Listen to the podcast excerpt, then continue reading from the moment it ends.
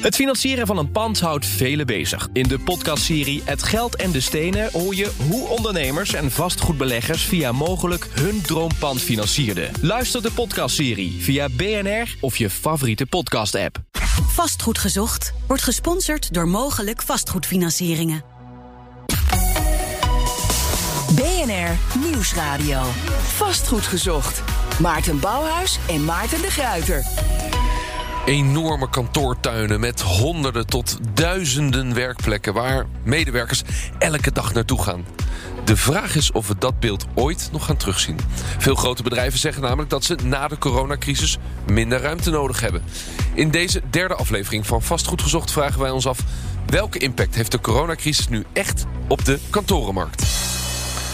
Dit is eh, Vastgoed Gezocht, jouw wekelijkse update over de wereld van de stenen. Je hoort ons op BNR en natuurlijk altijd on-demand via bnr.nl... of gewoon via jouw eigen podcastplayer. Ik ben Maarten Bouwhuis. Maarten de Gruiter, projectontwikkelaar en voormalig vastgoedman van het jaar, staat naast mij. We beginnen elke week met uh, nou ja, het vastgoedverhaal van die week. En dat heeft natuurlijk ook met het thema te maken. Wat is je opgevallen, Maarten? Ja, nou, het haalt meteen jouw hele intro onderuit. Dus dat is, uh, dat is in ieder geval oh, voor, mij als, ja, is voor ja. mij als ontwikkelaar heel fijn. Nee, in, in een uh, onderzoek van KPMG, wat in wat ik bij Reuters las. En daar gaat eigenlijk over dat. Um, uh, in augustus hadden ze onderzocht uh, wat de grote bedrijven wereldwijd gingen doen. Toen zei 69% nog van nou, we gaan terug in meters. En dat is inmiddels terug naar 17%. Dus nog maar 17% van de grote bedrijven zegt we gaan ook echt uh, terug in meters. En die komen er dus helemaal op terug. Ja, het is KPMG internationaal die dit onderzoek heeft ja. gedaan. Dus ze hebben ook, uh, ook buiten Nederland gekeken. Het is niet per se een Nederlands nee. uh, onderzoek. Ik ben ook benieuwd hoe dat in Nederland zit. Maar de trend is wel duidelijk. We dachten met z'n allen in de zomer, dit kunnen we thuiswerken. Maar nu hebben we er niet meer zoveel zin in. Dat is wat dit artikel zegt. Eigenlijk wel. Dat zegt, dat, dat, dat zegt inderdaad. Dat is heel interessant. Het is allemaal in een pressure cooker gegaan. We dachten eerst met z'n allen, hey, dit is fantastisch. Uh, we gaan nooit meer terug naar kantoor. Of alleen om uh, nog koffie te drinken met elkaar en een beetje te, te brainstormen. En inmiddels denken we, nee, uh, ik heb wel even genoeg van dat thuiswerken. Ik wil, ik wil mijn gezin vaak zien, maar niet de hele dag door. Ja, nou achteraf is makkelijk praten. Maar wat dacht jij zelf in de zomer? Um, ik dacht zelf, uh, nou ja, bij mij was het al wel redelijk uh, uh, vrij. Hè? Mensen konden redelijk zelf bepalen, werk ik thuis of niet. Maar ook zelf merk ik dat ik dacht van, hé, hey, er is iemand niet op kantoor, is die wel aan het werk? En ja, dat is wel meteen helemaal om. Hè? Dus die, die verantwoordelijkheid die je aan je collega's geeft, aan je werknemers geeft, ja, dat gaat natuurlijk, dat blijft. Dat denk ik, dat, dat gaat niet meer terug. Vastgoed gezocht. Nederland heeft het thuiswerken ontdekt, noodgedwongen weliswaar. Maar het betekent wel dat veel grote werkgevers zich afvragen of zij al die vierkante meters die ze nu huren straks nog wel nodig hebben. Deze ondernemer zegt in ieder geval zijn huurcontract op. Op een gegeven moment, uh, na, na een paar weken, dacht ik van ja, ja, het is allemaal, allemaal heel leuk dat we een kantoor hebben. Maar volgens mij uh, functioneert het op deze wijze ook heel goed. Zometeen zijn hele verhaal. We zoeken uit hoe het zit en of er inderdaad minder kantoren nodig zijn. Of dat dat misschien uiteindelijk wel mee zal vallen. Bij ons is Koen van Oostrom van Edge, het vroegere OVG Real Estate. Hij is een van de bekendste kantoren vastgoedontwikkelaars van ons land. Koen, van harte welkom. Dankjewel. Fijn dat je er bent. Vorig jaar maart, ineens, iedereen naar huis. Waarschijnlijk ook jouw collega, collega's. Wat dacht je? Ik dacht wel van, uh, wow, dit, dit, uh, dit kan wel eens heel groot worden. Uh, ik dacht eerst nog dat het een, een week of twee zou zijn dat we naar huis gingen. Want je zag in China een paar voorbeelden dat ook mensen alweer snel terugkwamen naar kantoor. Maar het heeft allemaal wat langer geduurd en het heeft toch wel wat impact gehad, links en rechts. Ik had ook heel snel door dat het ongezellig is om altijd thuis te werken. Dat dat kantoor, die sociale meetingplace, dat die ook heel belangrijk is. Ja, het programma Nieuwsuur deed in januari een rondgang, afgelopen januari 2021, langs 25 grote werkgevers. De helft zei, we hebben straks minder kantoorruimte nodig... omdat onze medewerkers ook na corona meer blijven thuiswerken. Zie jij dat ook in de praktijk? Ja, ik zie uh, dat uh, uh, zeker internationaal het zo is... dat er behoorlijk wat, wat druk op komt te staan. dat, dat mensen toch weer gevraagd worden om terug te gaan naar kantoor. In Nederland is het wat gemixter. Het lijkt wel alsof wij toch een soort cultuur hebben... dat het nou ja, ook heel erg leuk is om thuis te werken. Ehm, wat, waar geen twijfel over is, is dat het de rol van het kantoor aan het veranderen is. En de rol van het kantoor wordt veel meer het clubhuis van het bedrijf... dan de, de werkplek van het bedrijf. werk wordt toch een beetje gedefinieerd als iets wat je overal kan doen. Thuis of in een koffieshop of uh, misschien uh, op een mooie plek in Zuid-Frankrijk dat kantoor wordt dan een plek waar je, waar je mensen ontmoet en uh, waar je interactie met elkaar hebt. Ja, dat is zeg maar de inhoudelijke transitie die gemaakt wordt. Daar wil ik ook over doorpraten. Maar gewoon de vierkante meters. Zeggen uh, partijen met wie jij spreekt nu... ik wil inderdaad in de toekomst minder vierkante meters? Het is, het is gemengd. De meeste bedrijven zeggen dat niet. die zeggen wel dat ze, dat ze dat thuiswerken meer gaan toestaan. Maar ze zijn bang dat ze op kantoor toch meer vierkante meters... relatief nodig hebben voor vergaderkamers... voor betere koffiemachines, andere meetingplaces. Dus er is nog niet een instortende markt voor jou? Nee, wij, zien, wij verwachten helemaal geen instortende markt. Wij verwachten eigenlijk dat, uh, dat overal de markt hetzelfde blijft... maar dat je wel regionaal verschillen zult zien. We denken dat er nog meer kwaliteit naar de steden zal komen. En dus we verwachten dat de Zuidas het heel erg uh, goed zal doen... en dat een aantal plekken aan de randen... waar het toch al niet zo heel erg inspirerend was om te werken... dan moet je denken aan Nieuwegein of misschien delen van Hoofddorp dat die, dat die beweging die we toen ook al zagen een jaar geleden... dat dat toch eerder studentenhuisvesting wordt of andere eh, functies gaat krijgen... dat dat zich alleen maar versneld gaat doorzetten. Nou ja, goed, er is wel ook in Nederland uh, uh, zijn er concrete lijsten opgeleverd. Namelijk Accenture zegt minimaal 20 tot 30 procent minder vierkante meters. Capgemini 50 procent afschalen. Egon 30 tot 40 procent. Arcades 30 procent. Nou ja, Essent, PostNL 15 tot 25 procent. Dat zijn wel allemaal bedrijven die zeggen... we willen minder vierkante meters, we willen kleiner gaan. Alleen jij hoort dat nog niet. Dat, uh, dat horen wij niet. Uh, er zijn wel een aantal bedrijven die dat, uh, die dat inzetten. En wij zien altijd ook dat dat, dat ook de varkenscyclus in onze segmenten veroorzaakt. Varkenscyclus? Ja, de, de cyclus die, die ertoe leidt dat er, dat er dan een overaanbod ontstaat. En dan hebben bedrijven toch wat te weinig gehuurd. kunnen ze moeilijk aan talent komen. En dan gaan ze weer bijhuren. En dan krijg je weer zo'n overdreven inhaaleffect bij, bij dat type bedrijven. Dat was bijvoorbeeld in 2010 zag je dat ook heel sterk. En dat zal misschien nu ook wel weer zijn.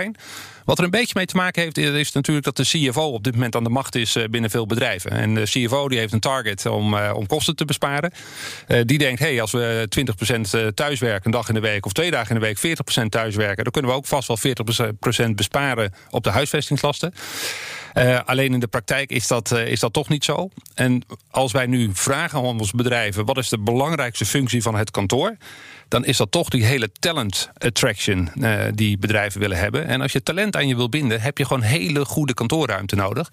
En als je dan de CFO alleen maar ja, met een wiskundige formule laat berekenen hoeveel vierkante meters die mag huren, dan, dan ga je dat talent niet aan je binden. Dus ook de bedrijven die nu zeggen: ja, we willen afschalen, we willen minder vierkante meters, daarvan is jouw verwachting dat ze ervan gaan terugkomen. Of dat ze in ieder geval, als ze slim zijn, niet minder ruimte gaan huren. een enkeling zal het wel doen, maar die komt dan met de varkenscyclus daar weer op terug. Ja, met één grote maar. En dat is dat we natuurlijk altijd binnen sectoren ook wel grote verschuivingen zien. Hè. Banken bijvoorbeeld, die worden per definitie kleiner. Dat heeft niets te maken met thuiswerken, maar die, die waren al bezig om kleiner te gaan. Ja, ja jij werkt ook voor ABN AMRO en ING, dus ik ben even benieuwd hoe zij daar naar kijken. Maarten, hoe... Uh... Nou, dat is natuurlijk de, de grap. Is, ik, dat was iemand van ABN AMRO die dus in die, in die eerste fase zei van... dus die zei inderdaad meteen, nee, we gaan terug, want iedereen kan ook thuiswerken. We komen alleen naar kantoor. En, en het allermooiste wat diegene zei was... ja, ook een teamborrel kan via Zoom. Ja, kijk, dan heb je natuurlijk echt niet begrepen... hoe het leven in elkaar zit. Hè? Een, een, een teamborrel, dat, daar hoor je met elkaar... met lauwe pils en, en, en een paar borrelnootjes... hoor je het over hele slappe dingen te hebben. En dat gaat niet via Zoom. dus er zijn natuurlijk een heleboel dingen die kunnen niet. En dat, dat, dat is nou typisch zo'n groot bedrijf. Die, die, die gaan dan mee in een soort van uh, waanidee. Ik heb zo'n zin in lauwe pils. Ja, toch? Gewoon met 15, 15 20 mensen bij elkaar en een beetje... Precies. Vrijdagmiddag, shit, ik ben al te laat. Exact. Ja. Het is ook vaak afhankelijk van de leeftijd van degene die het zegt. Want je merkt dat de, de oudere populatie binnen een bedrijf... het eigenlijk prima vindt om zo nu en dan nog terug te komen naar het kantoor. En de jonge generatie die haalt zijn energie uit dat kantoor. Die wil daar zijn, die wil opgeleid worden. Ja, dus, dus dat is een, een ding uh, waar bedrijven naar moeten kijken. Als ze, als ze jonge talenten willen blijven aantrekken... dan hebben ze gewoon dat kantoor nodig. Dat, dat is eigenlijk wat je zegt. Ja, dan hebben ze niet dat kantoor nodig. Dan hebben ze een, kantoor. een nieuw kantoor nodig. Uh, waarom? Omdat heel veel van die oude kantoren, hè, waar je vroeger binnenkwam en dan zat er uh, iemand bij de receptie en dan ging je naar je kamer toe. Die tijd is voorbij. Dat kantoor, dat moet dan een plek zijn waar als je binnenkomt, dat je gelijk de koffiemachine ziet, dat je misschien binnenkomt in een gaaf atrium met gave maar, banken. Koen, Koen, dat, dat concept He, uh, dat hadden jullie ook al voor corona. En dat hadden wij ook al voor corona. Ik bedoel, er waren genoeg bedrijven. Ik bedoel, de, de, dit is natuurlijk iets wat al misschien tien jaar bezig is. Hè, dat, het, dat dat aan het veranderen is. Het is nu alleen in een pressure cooker. En nu denken allerlei mensen van hey, het moet allemaal anders. Maar als ze hadden opgelet, was dat al lang gaande. Ik denk ook dat... Eén ding begrijp ik er niet van. Ik begrijp wel dat we een transitie hebben naar een ander type kantoor. En dat dat wellicht versneld wordt uh, door corona. Maar dat als die CFO aan de macht is. En, en, en die misschien ook nog wel even aan de macht blijft. Dat het toch niet anders kan zijn dat we wel gaan afschalen. Dat we anders die kantoren gaan inrichten. En dat er ze altijd zullen proberen te sturen. Dat al, al gaan mensen 15% thuiswerken. Dat we wat minder vierkante meters nodig hebben. Dat we proberen die kosten te drukken. Ik bedoel, het is, het is in jullie belang om te zeggen... nee, we hebben kantoren vastgoed nodig. Maar er zijn toch ook luisteraars en, en CFO's en ondernemers die luisteren... en die denken, ja, het is wel een goed idee om minder kantoor vastgoed te hebben. Dat is dan toch wel echt korte termijn, hè? Dat is korte termijn gedachte. Je leidt mensen niet meer op. Het is het, het hele uh, het, het, gevoel ook van je bedrijf. Als jij mensen natuurlijk alleen maar thuis laat werken, dan stappen ze voor een tientje over. Uh, als jij iets moet inkloppen voor ABN AMRO, dan doe je vier dagen in de week vanuit je huis. Dan stap je voor een tientje over naar de Rabo voor hetzelfde werk. Ik bedoel, er zijn zoveel dingen waarvoor het belangrijk is dat je dat teamgevoel hebt, dat bedrijfsgevoel hebt, dat je dat DNA mee wil geven. Dus het is pennywise, pound foolish als je nu als CFO die beslissing zou nemen? Ja, volledig. Maar ik denk dat er genoeg bedrijven zijn die sowieso aan het afschalen waren. Ja, dan komt dit goed uit. Ja, een andere ontwikkeling is ook kleinere kantoren op meerdere plekken in het land. En we zien ook de trend dat mensen wat verder buiten de Randstad willen wonen in het groen. Want ja, we werken toch thuis, maar misschien dat daar dan toch een soort van clubhuis is. Zie je dat wel in de praktijk? Ja, dat is een hele interessante vraag. Ik, eh, de jury is still out. De, daar is, eh, de, de duidelijkheid is er nog niet. Ik heb meerdere bedrijven gesproken die hebben gezegd... nou, mensen thuiswerken, dat kun je ze eigenlijk niet aandoen. Mensen naar kantoor laten komen altijd, dat kun je ze eigenlijk ook niet laten aandoen. Dus wat we dan doen is dat we dan in Assen en in Zwolle hubs maken... en dan kunnen mensen uh, daar gaan werken. Ik heb nog niet veel mensen gesproken die zeggen van ja, dat vult een behoefte voor mij in. Uh, je zou kunnen zeggen, dan kun je een abonnementje nemen bij, bij Regis of bij een van de andere en dan mag je daar, uh, mag je daar werken. Maar dat Flex, op flexkantoor, ja. Dat flexkantoor, maar op kantoor elkaar tegenkomen en, en dingen doen met elkaar. Uh, de, de, de toevallige ontmoetingen op een kantoor, die zijn volgens mij zo belangrijk.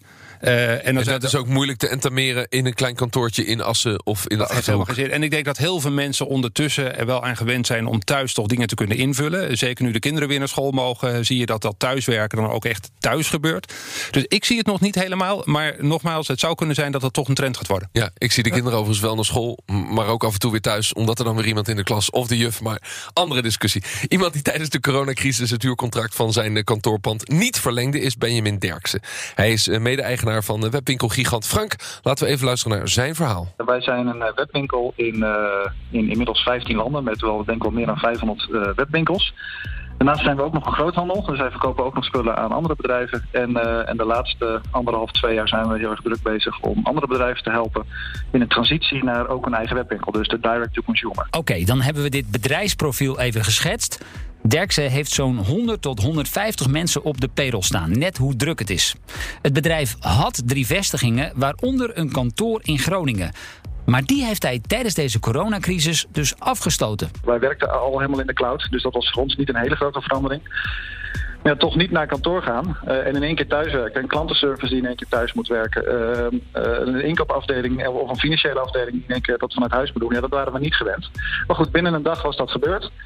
Uh, en dat werkte eigenlijk heel erg goed. En uh, ja, op een gegeven moment, uh, na, na een paar weken, dacht ik van ja, ja, het is allemaal, allemaal heel leuk dat we een kantoor hebben. maar volgens mij functioneert het op deze wijze ook heel goed. En merk ik ook aan de mensen dat ze het heel prettig vinden om nou ook hun tijd beter in te delen. En dus nam Derksen een rigoureuze stap. Het huurcontract van zijn kantoor werd niet verlengd. Hij ging van 1000 vierkante meter terug naar nog maar 400 vierkante meter. En de indeling, die is radicaal anders. Ja, dus heel veel vergaderruimtes in, ingebouwd. Uh, ook een ontmoetingsplek voor personeel die daar uh, gewoon kan komen en gaan. En uh, nou ja, mensen geholpen om ook thuis de apparatuur te krijgen en de mogelijkheden om goed, goed thuis te werken. Ja, en dat, uh, dat, dat is het nu. Het is nu meer een ontmoetings, ontmoetings vergaderplek voor externen. Uh, en voor, uh, ja, voor, voor de mensen die toch nog wel naar kantoor willen komen, want die zijn er ook. En de huurkosten, die zijn met deze stap meer dan gehalveerd. Natuurlijk zijn er met dat remote werken ook wel wat andere kosten gemoeid, maar al met al is het zo een stuk voordeliger. En kan hij de overgebleven poen investeren in andere zaken. Meer personeel bijvoorbeeld. Benjamin Derksen van de webshop Frank. Ja, Koen van Oostrom is bij ons van Edge, het voormalige OVG. jullie richten u op de topklas kantoren.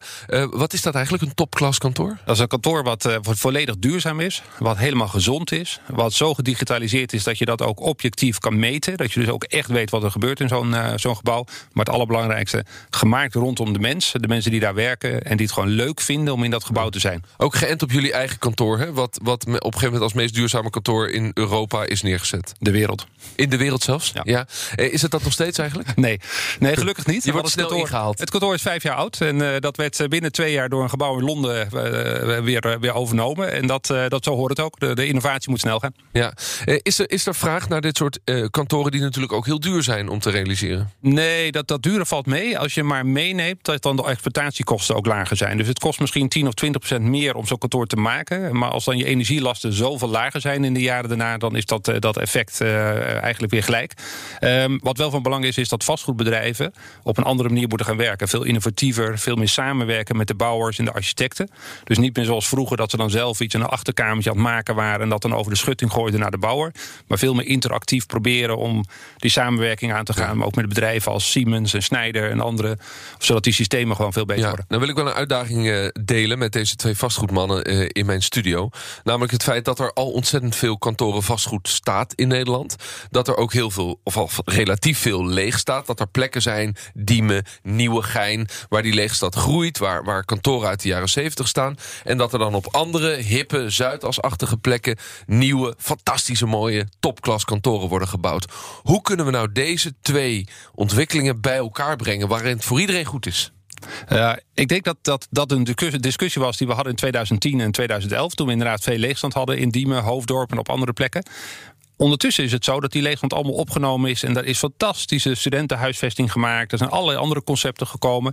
En vervolgens zie je ineens in Amsterdam, waar heel veel mensen dit zeiden, wat jij zei dat ineens de leegstand nog maar 2% was. En dat er een tekort was aan goede kantoorruimte. Ik weet uh, een paar grote internationale bedrijven die voor Dublin hebben gekozen... omdat ze binnen drie jaar in Amsterdam niet de goede kantoorruimte konden vinden. En het belastingklimaat is in Dublin ook goed. Dus de... ja, dat speelt ook een rol, maar in Nederland ook niet zo slecht. Dus ik denk dat we daar nee, nog wel... het is of Amsterdam of Dublin, ik, ik, begrijp het. Wat dat betreft uh, hadden we een keuze. Um, dus ik denk dat elke stad moet zorgen dat ze een gezonde kantorenvoorraad hebben. Er moet dynamiek zijn. Er staat weinig leeg. Ik verwacht ook niet dat die leegstand heel erg gaat oplopen. Um, maar het zal wel zo zijn dat altijd transformatie zal, zal blijven. Want uh, de voorkeuren verschillen. Die oude dozen die we vroeger zagen aan de rand van de stad... ja, dat zal wat minder worden. Ja. En die dozen, ja, dat zijn uh, weer prima plekken voor rente. Oké, okay, maar er is er nog een andere trend. Dat is de trend van verhuizing. ABN AMRO als fantastisch voorbeeld. Die hebben een heel mooi kantoor aan de Zuidas.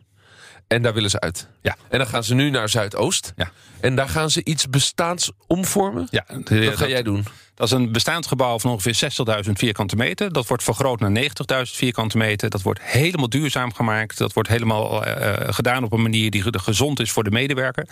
Die laten een groot gebouw achter. Althans deels achter. Ze blijven daar met een wat kleinere groep zitten. Ik denk dat dat goed is voor de Zuidas, goed is voor Amsterdam. Maar wat gaat daarin komen dan? Andere nou, huurders? Uh, het zal voor een deel zal dat andere huurders zijn, maar voor een deel zullen er ook dingen uh, omgevormd worden naar woningbouw. Uh, en ik denk dat daardoor de Zuidas veel leuker wordt, dat het veel diverser gaat worden met andere functies op die plek. Zo'n kantoor kan lossen, wat staat daar, 100.000 vierkante meter op die Zuidas, heel erg naar binnen gekeerd. Dat is ook een product van de jaren 80.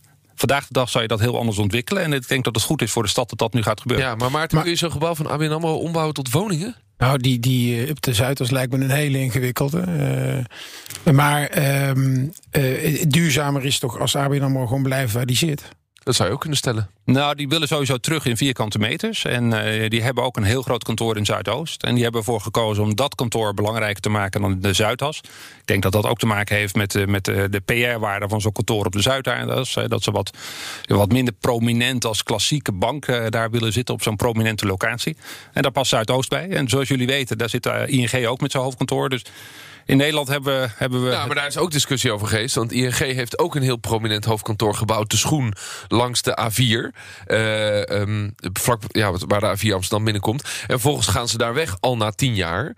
Uh, en daar is natuurlijk ook heel veel kritiek op geweest. Om dan een beetje te duiken en in Zuidoost nou, te gaan zitten. Ja, maar zij gaan daar natuurlijk weg op een, op een van de meest interessante plekken van Nederland. Dus ik denk dat dat het, het, het, het voorbeeld van KPMG in Amstelveen is denk ik veel erger. Die laten iets na, een, een afgrijzelijk gebouw na, wat natuurlijk, waar je bijna niks mee kan doen. Wat hier natuurlijk op die Zuid als een gebouw achterlaten, wordt natuurlijk gewoon opgenomen. Dat zie je ook met de schoen, die is gewoon weer opgenomen. dus dat heeft wel een tijdje geduurd bij de schoen voordat het helemaal huurders had, omdat het zo'n specifiek gebouw was. Ja, maar ik, ik, het probleem is groter. Als jij nu uh, in, in Nieuwegein 30.000 meter nieuw kantoor laat, laat ontwikkelen, dan zou ik als belegger denken van ja, wat gaat hier over tien jaar gebeuren? Maar het raakt allemaal wel de vraag van Maarten over duurzaamheid. Ik vind het fantastisch wat jullie kunnen om slimme kantoorgebouwen te maken die, die super duurzaam zijn, die misschien ook wel virussen bestrijden in het pand. Het zou natuurlijk fantastisch zijn.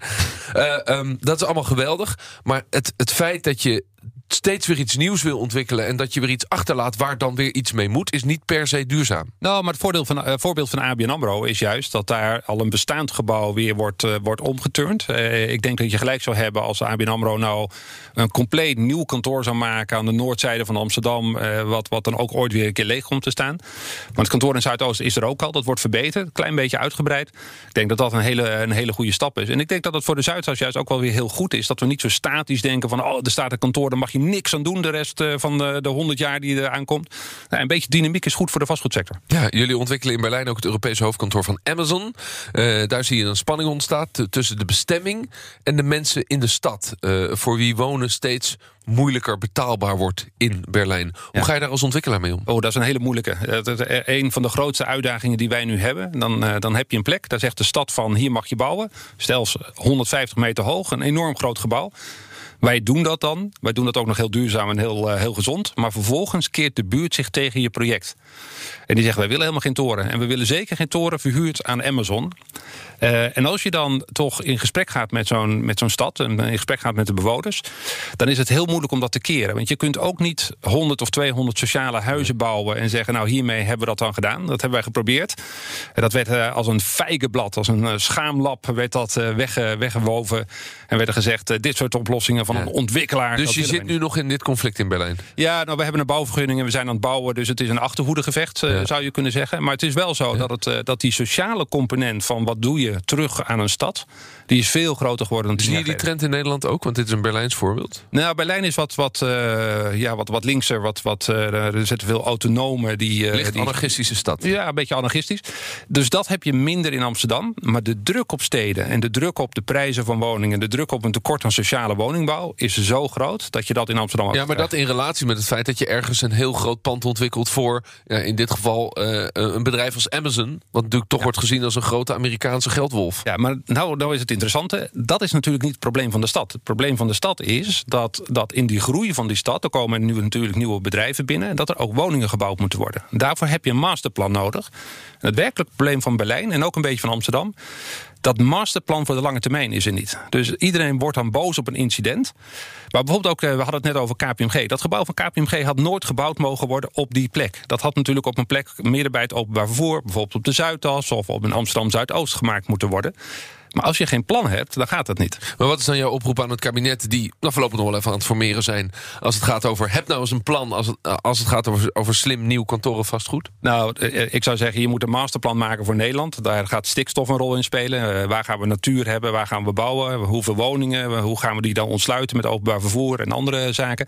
Dat plan is er niet. Ze hebben nu een paar maanden extra. Ik zou zeggen, begin vast met dat plan schrijven. Zorg dat er een hele goede bouwminister komt... en dan gaan we, het allemaal, gaan we dat allemaal oplossen. Ben je beschikbaar ja. eigenlijk? Ik uh, dacht dat meneer De Gruiter uh, wat meer tijd nee, had. Nee, nee, nee. nee. ja, jouw, naam, jouw naam is ook regelmatig genoemd. Dus ja. ik bedoel, zou je nee, het doen ik, ik of zal daar een heel eerlijk antwoord op geven. Ik vind hè, dat als je uh, onderdeel wil zijn van een land... en je wordt gevraagd voor zo'n soort rol... dat je eigenlijk geen nee mag zeggen. Maar ik hoop oprecht vanuit het diepst van mijn hart... dat ik nooit voor zo'n keuze kom te staan. Want het lijkt me vreselijk als je de, de, de, politieke verhoudingen nu ziet in Den Haag. Ik moet er niet aan denken om daar onderdeel ja, van te zijn. Ben je lid van een politieke partij? Ik ben lid van de VVD. Ja, dus dat en, zou kunnen. Ja, ik denk niet dat de VVD het de bouwminister mag leveren. Want die hebben zo hard geroepen tien jaar lang dat ze die niet nodig hebben. Nee, nee dat... Nederland is af, zeiden ze. Ja, ze, zijn er nu, ze zijn nu wel om. Ze zijn om, ze zijn om, uh, maar ze zullen het niet krijgen, deze post. Uh, Koen van Oosterom, uh, later minister, nu nog gewoon bij Edge.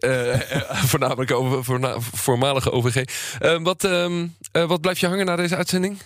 Dat, uh, dat uh, nou ja, mijn baan nog niet in gevaar is, uh, denk ik. Dat er gewoon nog kantoren moeten gaan komen. Dat je voorlopig nog mooie dingen kunt ontwikkelen. Nou ja, dat, dat, dat, er, dat er hele interessante ontwikkelingen zijn. En dat er natuurlijk een aantal bedrijven zijn, de, de oude dinosaurussen zoals de banken, die denken dat ze dit snel kunnen aangrijpen om natuurlijk kosten te besparen. Juist, dankjewel Maarten. Volgende week zijn we er weer. Dan zoeken we uit wat we moeten met al die leegstaande winkelpanden in de binnenstad. Mijn naam is Maarten Bouwers. Bedankt voor het luisteren. Tot volgende week. Dag. Vastgoed gezocht wordt gesponsord door mogelijk vastgoedfinancieringen.